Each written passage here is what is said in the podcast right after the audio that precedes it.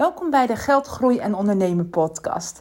Mijn naam is Karsja Stans en ik ben eigenaar van twee bedrijven, Sparkle Your Business en Miss Money Mindset. En in deze aflevering wil ik het gaan hebben over financiële doelen stellen en ook hoe je ze kan behalen. Ja, het is nu het einde van het jaar. Financiële doelen hoef je natuurlijk niet alleen aan het einde van het jaar te maken. Je kan ze natuurlijk op elk moment van het jaar maken. Maar nu is het december en ik ben echt fan van reflecteren. Je doet dat echt heel veel. Maar vooral natuurlijk het einde van het jaar is altijd een soort nostalgie moment ja, waar ik ook echt wel goed kijk wat er afgelopen jaar is gebeurd. Waarvoor ik dankbaar ben. En voor de dingen die niet zo goed zijn gegaan, wat ik daarvan kan leren op grote termijn. Maar zeker als het net gebeurd is, in ieder geval, dat heb ik altijd. Dan kan ik niet precies zien wat de levensles eruit is of niet. Maar als ik na drie of vier maanden naar terugkijk, dan kan ik dat meestal wel zien. En ook om te leren wat beter kan. He, dus stel dat ik een omzet heb van nu van 80.000 euro. Uh, wat kan ik er dan aan doen om het volgend jaar zeg maar 120.000 euro te maken? Daar ben ik heel erg mee bezig. Maar het gaat nog steeds om financiële doelen stellen. Je hoort natuurlijk overal betalende cursussen en weet ik wat allemaal. Iedereen zit ineens op de doelen stellen. En het is ook heel belangrijk. Hè? Ik ben een fan van doelen stellen. Ik ga er heel goed op. Maar doelen stellen is niet alleen genoeg. Je moet ze ook halen. Want financiële doelen zijn maar een getal. Joh, ik kan ook zeggen, joh, ik wil volgend jaar 2 miljoen binnenhalen. Nou, dan maak je dan een heel plan van hoe je dat gaat halen. Maar dan zie je die 2 miljoen eindelijk op je bankrekening of op je boekhoudprogramma. Ja, dat is vijf minuten plezier wat je daarvan hebt. Misschien een halve dag, maar daarna gaat het plezier weg. Want er zit natuurlijk een veel onderliggende laag achter waarom jij die 2 miljoen wil halen per jaar. En daarmee wil ik je ga ik je in meenemen van welke drivers je eigenlijk eerst moet behandelen. En welke doelen je eigenlijk eerst moet stellen op welke gebieden. Om uiteindelijk een succesvol financieel doel voor je te halen. En daarna gaan we nog praten over hoe je ze ook echt kan behalen. Er zijn natuurlijk een aantal redenen waarom je dat geld wil behalen. En waarom wil jij een omzetdoel hebben van een ton of van 50.000 euro? Er zitten redenen achter. En zolang je die niet voor jezelf helder hebt, of dat je jezelf niet voor je formuleert, gaan die financiële doelen ook niet werken. Want je weet niet waarom je ze wil hebben. Je weet niet welke motivatie erachter zit. Pas als je de motivatie kent die eronder zit, die diepere laag, dan ga je daar ook echt voor. En ik heb eigenlijk twee gebieden waar ik altijd naar kijk. Uh, eigenlijk, drie, eigenlijk drie gebieden voordat ik aan mijn uh, financiële doelen begin. En de eerste is eigenlijk je gezondheid en je werkgeluk. Gezondheid is denk ik het allerbelangrijkste wat we hebben. Je gezond bent, dan neemt het eigenlijk een soort van verlies voor de meeste mensen. En als er iets mis mee is, dan merk je pas hoe belangrijk je gezondheid is. En heel veel mensen stellen hun gezondheid op de laatste plek. En dat doe ik niet. Ja, het kan natuurlijk met ongezond eten zijn, het kan met snoepen zijn. Maar het ook vooral, eh, dat heeft een beetje te maken met werkgeluk. Als je heel veel stress ervaart of als je iets doet wat je niet leuk vindt. Ja, dan gaat het best wel heel slecht gewoon mentaal ook met je. Weet je, het is nog niet alleen lichamelijke gezondheid, maar ook mentale gezondheid. En als je daarop focust, van ook gewoon even bij jezelf stilstaat van joh, doe ik wat ik nu doe, vind ik dat leuk? Word ik daar gelukkig van? Zo ja, prima, hoe kan het meer laten worden? Zo nee, wat zou je dan moeten veranderen? En als je bij die vraag stilstaat, en hoe ik het altijd doe, eh, ik, ik ben niet zo creatief met tekenen en vision board. Maar wat ik wel doe, ik schrijf heel veel. Ik, ik schrijf heel veel en ik tune heel erg uh, bij mezelf altijd in via meditatie en zo. Om te kijken van, joh, ben ik nog wel gelukkig met wat ik doe? En het afgelopen jaar heb ik ook, ben ik dingen begonnen. Ik heb dingen afgestoten. Ik heb door trial and error ontdekt wat ik niet leuk vind om te doen. En wat ik wel heel veel energie van krijg. Maar soms betekent dat, kan dat betekenen, ook voor als je dat bij jezelf nakijkt, dat je op een andere manier moet gaan werken. En dat is er wel heel goed even voor jezelf op te schrijven. Van joh, waar word ik nou gelukkig van? Wat zou mijn gezondheid zijn? En niet alleen lichamelijk, maar ook mentaal. Als ik nou alleen maar doe wat ik leuk vind. En dat is eigenlijk stap 1.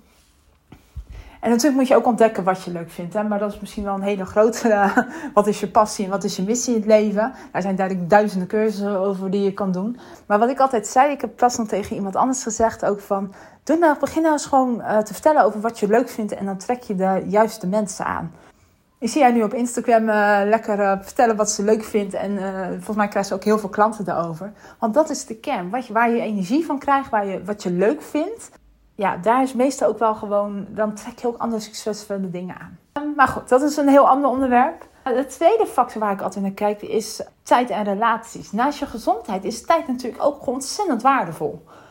Werk jij 60 uur, het heeft natuurlijk ook wel een beetje te maken met je gezondheid, maar werk jij 60 uur, dan heb je bijvoorbeeld geen tijd voor je vrienden of voor je familie.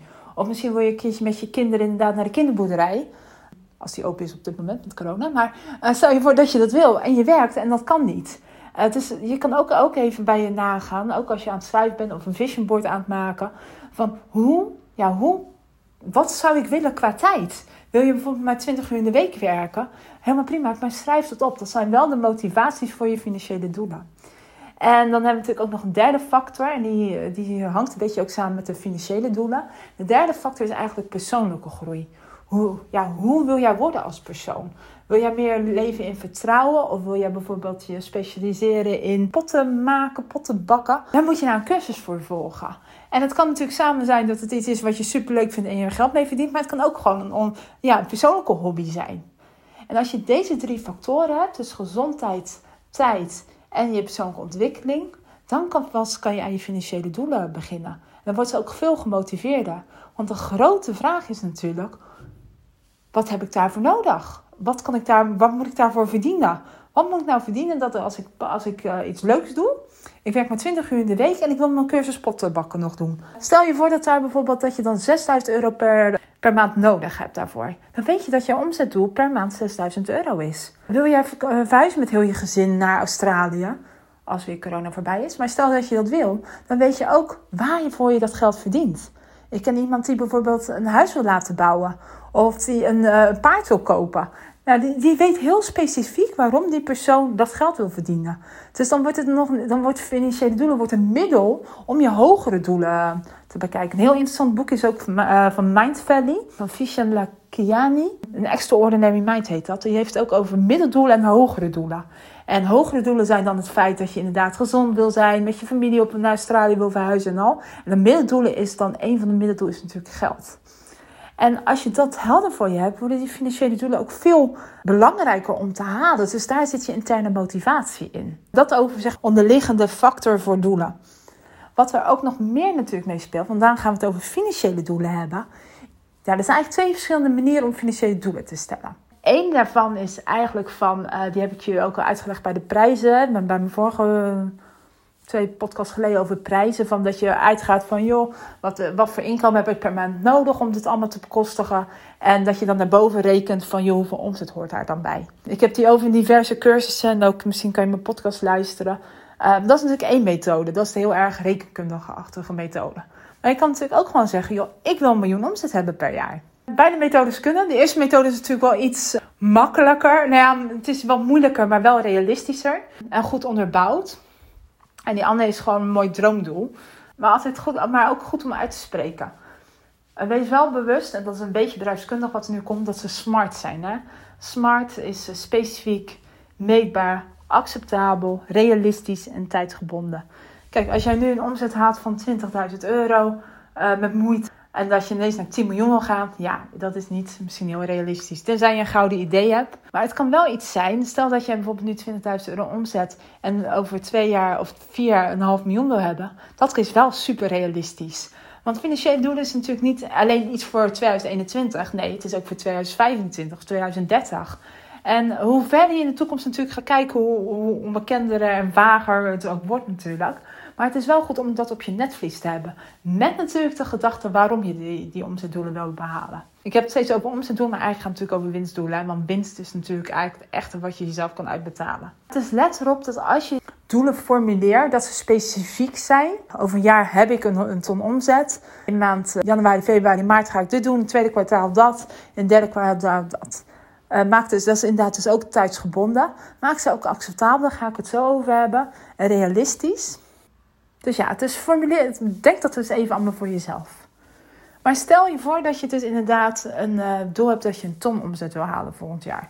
Hou daar ook rekening mee met het reflecteren. Wat heb je nu gedaan en waar, sta, waar wil je dus naartoe? Dus stel dat je dit jaar een, um, een omzet van 20.000 euro hebt gehad en je wil volgend jaar een ton omzetten, betekent dat je vijfmaal meer omzet moet behalen dan dit jaar. Voor heel veel mensen zal het denken van, ja, dat gaat nooit worden. Nou, die gedachte moet je natuurlijk nooit hebben, maar gaat ook nooit worden. En sommige mensen denken, oh makkie, want ik, zit, uh, want, uh, ik weet al nu al wat ik doe. En daar wil ik het ook met je hebben over hoe ga je dan die doelen behalen. Want als je... De eerste is dat ik uh, altijd zeg, wees concreet met die doelen. En concreet bedoel ik inderdaad van, verzin nou eens even goed. Gewoon met je huidige aanbod wat je nu hebt uh, hoeveel je daarmee kan omzetten volgend jaar. Bied jij bijvoorbeeld een pakket van 200 euro aan en heb je die 20 keer verkocht dit jaar, ja, dan is de weg echt heel lang naar een ton toe. Hè? Maak een breakdown van wat jij moet verkopen om die ton te behalen. En heel vaak kan je het dus achterkomen dat je eigenlijk helemaal niet op dat niveau zit om die ton te halen. Dat is altijd wel een goede conclusie. En dat kan op heel veel dingen zijn namelijk. Uh, het kan namelijk zijn dat je eigenlijk heel je aanbod moet aanpassen. Is dat eng? Ja, dat is hartstikke eng. Maar soms wel noodzakelijk of je prijzen te verhogen. Want als jij bijvoorbeeld nu iets aanbiedt voor 200 euro en je weet stiekem dat het veel meer waard is, en je doet dat voor 1000 euro op de markt zetten, met iets extra's en een ander pakketje eromheen, dan kan je veel makkelijker die ton halen dan met die 200 euro. Dus bekijk ook eerst even voordat je, als je dat aan het verzinnen bent, van hoeveel pakketten moet ik verkopen of hoeveel producten moet ik verkopen. Is, is dat voldoende? Zijn mijn pakketten daar wel goed genoeg voor om die ton te behalen? Uh, ja, zo niet, kijk dan heel even naar wat je aanbiedt, je prijzen en misschien wel een heel nieuw aanbod. Als jij nu 20.000 euro omzet uh, draait en je wil naar een ton, ja, daar zitten nog veel andere consequenties natuurlijk aan. Eén daarvan is natuurlijk je kosten. Als jij vijfmaal meer omzet wil gaan draaien, betekent ook wel dat je meestal wel ook wel een verdubbeling of misschien wel een vervoudiging van je kosten krijgt. Want als jij een ton omzet wil draaien en je doet nu 20.000 euro, moet je misschien veel meer in marketing steken. Misschien heb je wel iemand nodig, een VA, die jou gaat helpen met alles op orde te krijgen. Of misschien heb je wel iemand nodig die je social media doet. Of misschien moet je wel, omdat je iets luxere pakketten aanbiedt, ineens dozen gaan laten bestellen. Of misschien doe je relaties schenken wel. Dus je kosten groeien ook mee. Uh, dus dat is even ook goed om gewoon neer te zetten van oké, als ik van die 20 naar die ton moet, wat komt er dan allemaal nog meer bij te kijken? Behalve mijn aanbod en mijn prijzen en pakketten. Er zit natuurlijk ook een hele kostenkanten aan. Dus dat is in ieder geval één ding. Een tweede is natuurlijk, hoe ga je het organisatorisch doen? Ik had het net al over een VA. Maar als jij groeit in omzet, gaat ook je organisatie groeien. Eh, welke mensen moet ik dan aannemen? Moet ik mensen aannemen of doe ik mensen op de payroll? Het zijn misschien dingen die nog niet nu noodzakelijk is. Maar het is wel heel goed om erover na te denken. Niet alleen nu, maar ook over vijf jaar. He, wat ik net ook zei iets eerder van... Ja, je moet ook doelen stellen over de langere termijn. Ja, hoe gaat je organisatie eruit zien? Weet je, wil je mensen in dienst hebben? Ja, zo niet. Oké, dan moet je een verdienmodel gaan hebben... waar je dus niet uh, mensen nodig hebt. En uh, soms kan je er ook tot de conclusie komen... dat misschien ja, jij liever een eenmanszaak bent. Weet je, het is niet altijd in groeien, groeien, groeien. Soms kan je ook gewoon tevreden zijn met wat je hebt en al. Uh, en zit het wel in de aanbod. Ook bedenken welke investeringen heb je dan nodig. Welke investering heb jij nodig om van 20 naar een ton omzet te gaan? Of van 50 naar 2,5 ton? Wat moet je daarvoor doen? En een investering kan zijn in een nieuwe website of in een nieuwe kantoorpand of nou, noem maar op. Maar, maar ook in jezelf. En dat is denk ik de laatste factor die, die ik met je wil, over wil hebben. En die is denk ik ook wel heel belangrijk, is je mindset. Want gun jij jezelf, als je nu 20.000 euro omzet draait, gun jij jezelf die ton. Of gun jij jezelf die 2,5 ton. En het heeft niet alleen met money mindset te maken, maar ook gewoon met heel veel andere dingen op mindset. Welke persoon moet jij worden om die 2,5 ton of die ton te bereiken? Wie moet je dan worden? Waar moet je in investeren in jezelf? Misschien moet je je sales skills gaan aanscherpen. Of misschien moet je, ja, misschien moet je meer weten over social media. Of misschien moet je weer meer weten over finance. He, want laten we wel eens, nee, finance is een eh, moment. Maar finance is natuurlijk wel de kern van jouw bedrijf. Dus wil jij groeien, moet je baas worden over je finance. Dus misschien moet je daar wel in investeren. Dus dat zijn allemaal dingen om ook om over na te denken. Welke mindset, waar moet jij persoonlijk in groeien om die financiële doelen te halen? Ja, en dan je money mindset ja, weet je, prijzen verhogen. Ik denk als je daar, als ik dat, uh, toen ik dat uh, een paar minuten geleden vertelde, dat je je prijs misschien moest verhogen. Kreeg ik toen een halve rol beroerd al dat je dat moest gaan doen. Ja, je money mindset is zo belangrijk hierin. Om daar gewoon in te trainen, dat je jezelf gunt. Daar heb je natuurlijk al een hele podcast over gemaakt. Ja, je money mindset, ja, die, geeft, die zegt zoveel over hoe de manier waarop jij geld verdient. En ook uh, hoe jij je omzetdoelen gaat behalen. Want stel je voor dat jij inderdaad, je, je moet zijn zijn met geld. Werken, dan verdien je geld. Ja, stel je voor dat je bij tijd had gezet, ik wil de helft maar gaan werken. Ja, hoe ga je dat dan geld op binnenkrijgen? Weet je, dat is een belemmering die enorm uh, tegen je kan werken. Dus dat is eigenlijk waarom ook je money mindset daar veel mee uh, te maken hebt. wat ik zei, ik heb hier al een podcast over genomen. Dus luister die vooral even terug, want het zegt heel veel. Maar als je natuurlijk met de gedachte hebt: geld verdienen is moeilijk, geld is moeilijk, geld is niet leuk. dan ga je die 2,5 ton niet makkelijk aanraken. Ben ik het wel waard om die 2,5 ton uh, te verdienen? Ben ik het wel waard om 1000 euro te vragen voor mijn product? Ja, zolang je die belemmering nog niet hebt uh, doorbroken, wordt het wel een stuk moeilijker. Dus kijk ook vooral naar je persoonlijke groei en ontwikkeling. Wat je ervoor terugkrijgt als je het allemaal doet, dat zijn je motivatiefactoren natuurlijk. De tijd, je gezondheid, je cursus pottenbakken.